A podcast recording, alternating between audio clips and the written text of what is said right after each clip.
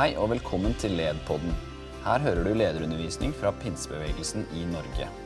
I denne episoden får du høre innhold fra lederkonferansen vår, LED23, som fant sted på Nova Spektrum i januar. Vi håper du får utbytte av episoden, og del den gjerne videre med en venn.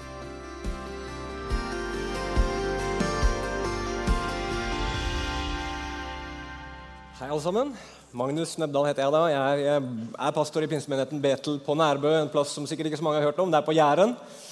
Og som, ja, se det. Som dere hører, så er jeg født og oppvokst der. Eh, Jeg har fått tema bønn, eh, og siden jeg ikke føler meg som noen veldig stor ekspert på det, jeg tror faktisk jeg er bedre i fransk, skal jeg være helt ærlig, så kommer jeg til å lene meg veldig tungt på en ekspert og en eh, legende, tror jeg man kan si, eh, nemlig apostelen Paulus. Og Tittelen min det er 'Bønnen vi trenger', og jeg har lyst til å ta dere med til Efeserbrevet, kapittel 3. og Vi skal lese vers 14-21, og så skal jeg stille to enkle spørsmål til den teksten der. Hvorfor trenger vi å be, og hva bør vi be om?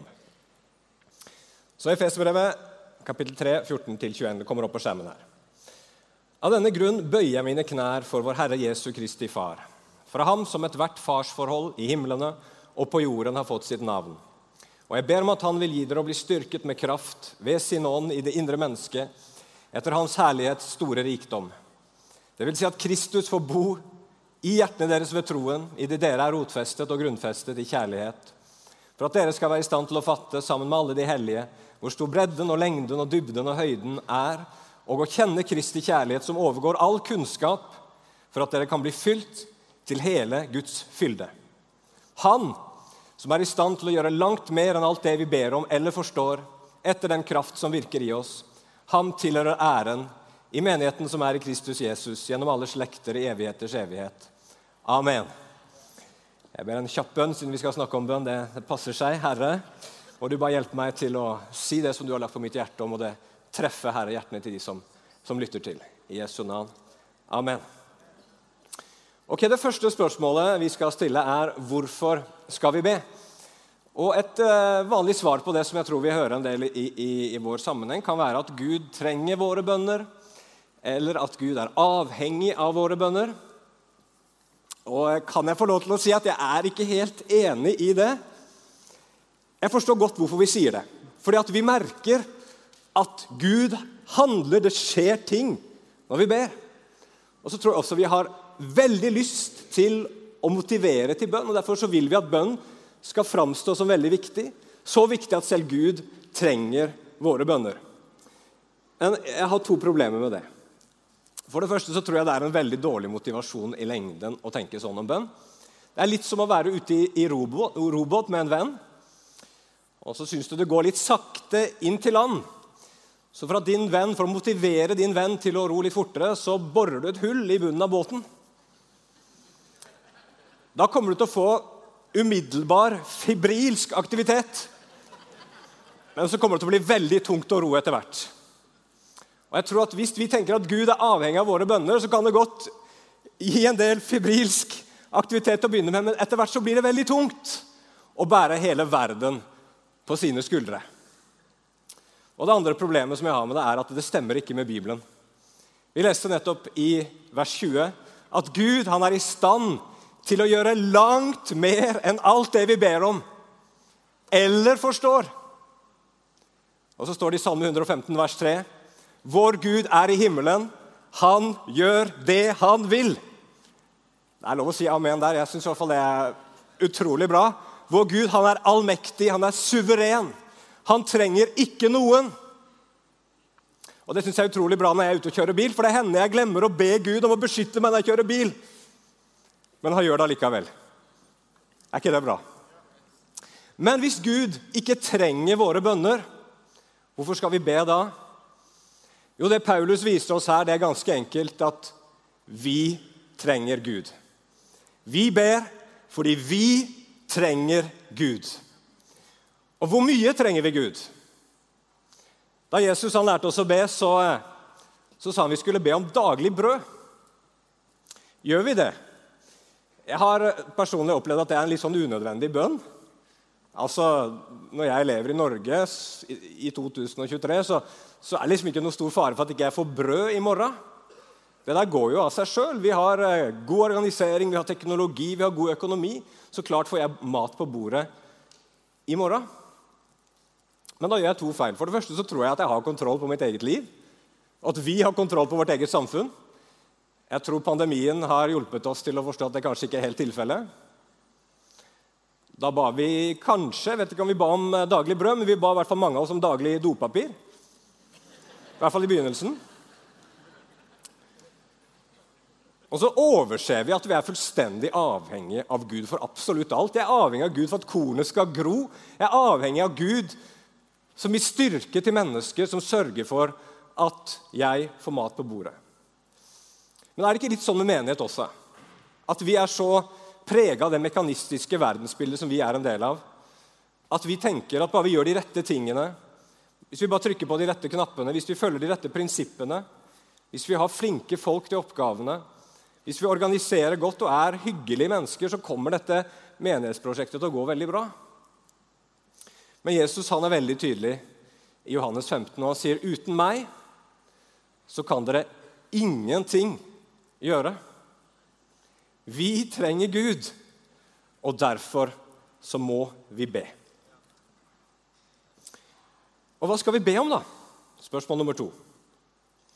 Jeg synes Det er litt interessant at Paulus i denne bønnen her, og de fleste bønnene som man ber i Det nye testamentet, så, så ber han ikke om så veldig mye endringer i omstendighetene for efeserne. Men han ber om to andre ting. Han ber om at de skal få kraft i det indre mennesket, og at de skal få lys over Kristi kjærlighet. Det er to bønner han ber her. Litt om det med kraft. Er det andre enn meg som føler seg litt svak noen ganger i møte med livet generelt og i tjenesten som vi står i? Da kan du rekke opp en hånd. jeg hadde, nå skal jeg være litt personlig, jeg, jeg, jeg opplevde etter ti år som pastor at jeg plutselig sto foran forsamlingen min og forkynte som jeg hadde gjort mange ganger før. Så plutselig så dukka det opp en sånn intens panikkfølelse mens jeg sto der og skulle forkynne, som jeg måtte kjempe med. Og, og, Det var så irrasjonelt og det var så merkelig. Og Jeg kjempa med det, og det gikk liksom ikke bort. Og jeg grua meg til hver gang jeg skulle tale, for jeg var redd denne panikkfølelsen skulle dukke opp igjen. Men så spurte jeg noen gode brødre i en sånn mannsgruppe vi hadde, om de kunne be for meg. å åpne opp, og Så sa jeg ok, dette her føler jeg på. Og så ba vi sammen. Vi ba for det flere ganger. Og så hjalp Gud meg. Og så kjenner jeg på at jeg får styrke når jeg stiller meg fram og skal, skal forkynne. Men dere, skal vi følge Jesus, så trenger vi kraft i det indre mennesket. Skal vi fullføre det løpet som Bibelen kaller en kamp, så må vi være sterke på innsiden. Og du og jeg, Vi kommer til å møte i dette året her fristelser. Små, store. Motstand kommer vi til å møte fra mennesker. Åndelig motstand kommer vi til å møte. Prøvelser vil du garantert møte. Relasjonelle prøvelser, helsemessige prøvelser, økonomiske prøvelser. Du kommer kanskje til å kjenne på motløshet, frustrasjon, håpløshet. Bare lysten til å gi opp i det du står Nå orker jeg ikke mer, Gud. Eller frykt. Frykt for mennesker. Frykt for forandring, frykt for forkastelse, frykt for smerte. Da trenger vi Guds kraft i det indre mennesket og mer positivt, for å vitne for naboen din, for å gå ut i det som Gud har kalt deg til å gjøre.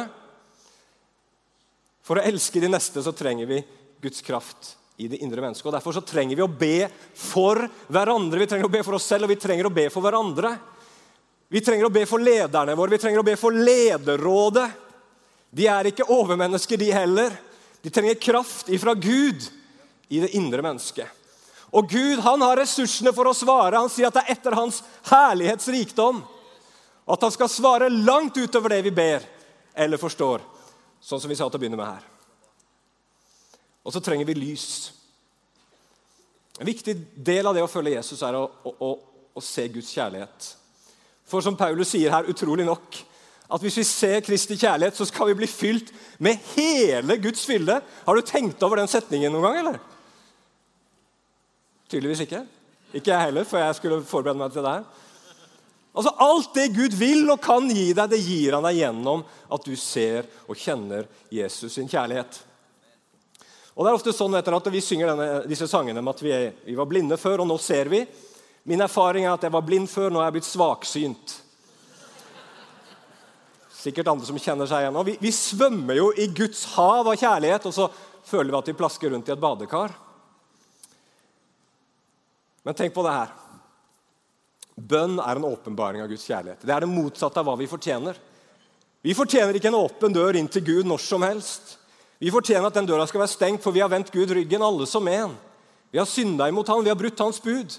Men Guds kjærlighet åpenbares i at Gud blir menneske Jesus går til korset i vårt sted, og så får han erfare den stengte døra.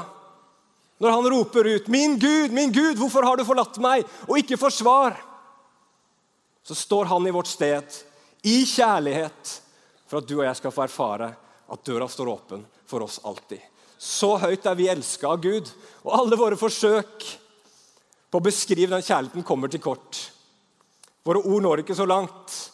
For det vi trenger, det er å kjenne Guds kjærlighet som overgår all kunnskap.